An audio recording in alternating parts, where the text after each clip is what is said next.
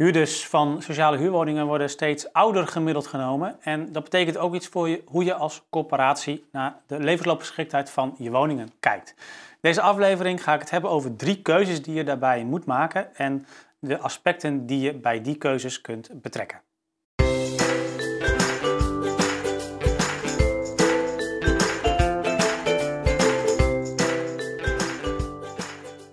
Ja, de levensloopgeschiktheid van je voorraad dus. Ja, veel corporaties zijn er natuurlijk al langere tijd ook intensief mee bezig. En uh, ja, daarbij heb je eigenlijk drie keuzes te maken als corporatie. De eerste keuze is, hoe kijk je naar de match tussen aan de ene kant de bewoners, de bewoners nu, maar ook in de toekomst, en aan de andere kant de woningen die je hebt en de woningen waar je misschien in de toekomst, die je in de toekomst zou willen hebben. Um, ja, daar kun je natuurlijk heel plat naar de leeftijden kijken en kijken van ja, uh, hoe ouder mensen zijn, hoe meer levensloopgeschikte woningen ik nodig heb. Maar je kunt ook iets uh, verder door gaan kijken en echt kijken, nou, wie heeft er nu echt een beperking van de eigen mobiliteit? Hè? Dus welke mensen um, ja, lopen met een stok, hebben misschien een rollator nodig, kunnen moeilijk traplopen. Uh, wie heeft er zelfs een rolstoel nodig? En hoe groot zijn die groepen? en wat past daar dan bij qua vastgoed. Nou, dus mijn tip zou echt zijn om echt naar die mobiliteitsklassen te kijken. Want je kunt natuurlijk heel plat naar leeftijden kijken. Maar uh, we weten ook allemaal dat iemand van 25 kan best in een rolstoel zitten. Terwijl mijn buurvrouw van 84 nog prima de trap op en af uh, rent. En dat betekent dus dat je met die mobiliteitsklassen veel preciezer kunt kijken van wat heb ik nu echt nodig in mijn vastgoed. Maak vervolgens ook een indeling die bij je vastgoed uh, past. En kijk ook naar de verschillende uh, type woningen die je in bezit hebt. Als het gaat om uh, passend bij die verschillende mobiliteitsklassen. En wees daarbij aan de ene kant niet te strikt. Dus ik zie voorbeelden waarin ergotherapeuten helemaal tot op de millimeter nauwkeurig uitschrijven hoe een woning ja, eruit moet zien en waar het de lengte van het aanrechtblad en draaicirkels waar die aan moeten voldoen. En aan de andere kant zie ik soms dat er in sessies met mensen die het vastgoed kennen, maar verder eigenlijk niet zoveel verstand hebben van zorg, dat die dan denken, nou ja, het zal wel ongeveer uh, uh, lukken om daar met een rollator in die woning rond te lopen.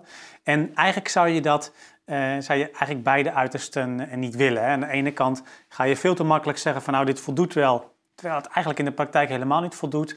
En aan de andere kant ga je misschien woningen afschrijven omdat hun omdat het aanrechtblad 3 centimeter te kort is. Nou ja, dat is natuurlijk ook niet helemaal uh, uh, helemaal de bedoeling. Dus probeer daar een goede middenweg in te vinden en dat ook echt samen te doen. Dus kijk echt vanuit een kennis ook van de zorg, maar ook de kennis van het vastgoed en ook op een beetje een praktische manier. Nou, dat is de eerste keuze die je moet maken. Dus het gaat echt tussen de match tussen aan de ene kant de bewoners en aan de andere kant um, de woningen. En kijk daarbij dus ook zeker niet alleen naar de huidige stand, maar ook naar de, naar de toekomst. De tweede keuze die je moet maken is wat doe je reactief. Dus eigenlijk pas op het moment dat iemand bij je komt en zegt van goh, ik kan de trap niet meer op of ik heb een, ik heb een beperking en uh, daar heb ik last van in de woning of ik kan niet eens meer bij mijn woning komen. Uh, of wat doe je al preventief? Dus eigenlijk voordat er, als er nog niks aan de hand is, als mensen nog, nog jong en fris door het huis huppelen. Um, je hoeft natuurlijk niet elke woning zodanig preventief al in te richten dat je bij wijze van spreken met een brancard heen en weer naar zolder kunt rennen, uh, zonder dat dat enige problemen oplevert. Aan de andere kant wil je ook niet continu natuurlijk voor kleine, relatief kleine dingen ja, daar pas reactief op pad gaan. En, en kun je bijvoorbeeld ja, dingen als drempels, dat kun je natuurlijk heel makkelijk al bij planmatig onderhoud aanpakken of bij nieuwbouw überhaupt geen drempels meer gebruiken. En weet je, dat is ook niet alleen handig in het kader van levensloopgeschiktheid. Maar dat is ook heel fijn voor andere uh, huurders die dat helemaal niet nodig hebben vanuit mobiliteitsbeperking, maar die bijvoorbeeld hun vloer willen doorleggen en niet tegen afgeschuurde uh, plinten of, of het, drempels willen aankijken. die bijvoorbeeld een kinderwagen hebben, is het ook heel prettig voor. dus dat soort dingen kun je natuurlijk al altijd doen, ook preventief.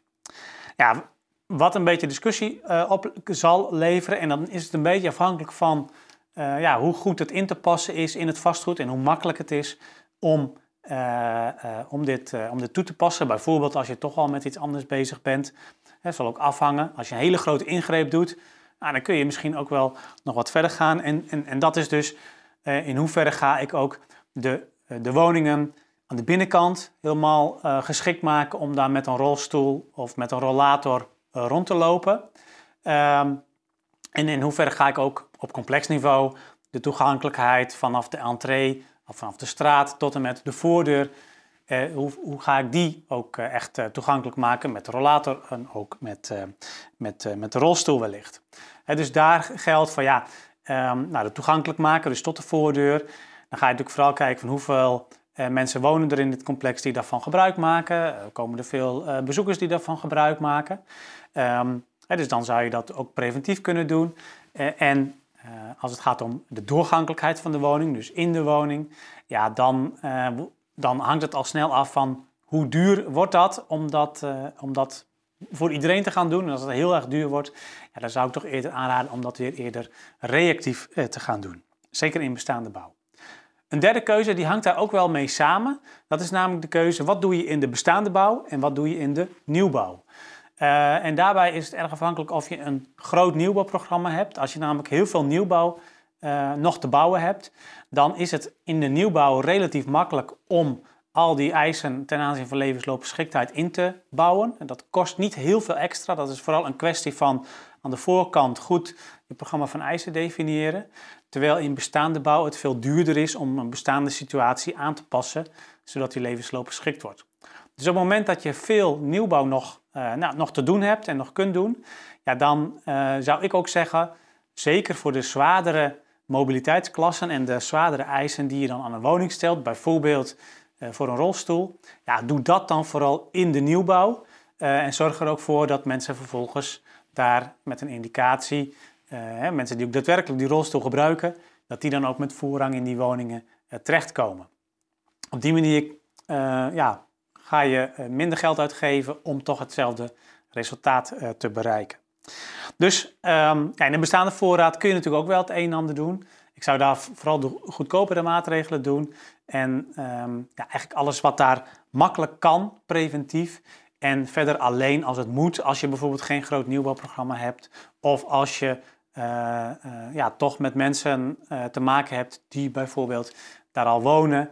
En uh, waarvan je ook niet, uh, uh, ja, tegen wie je eigenlijk ook niet wilt zeggen van nou dan moet u maar verhuizen.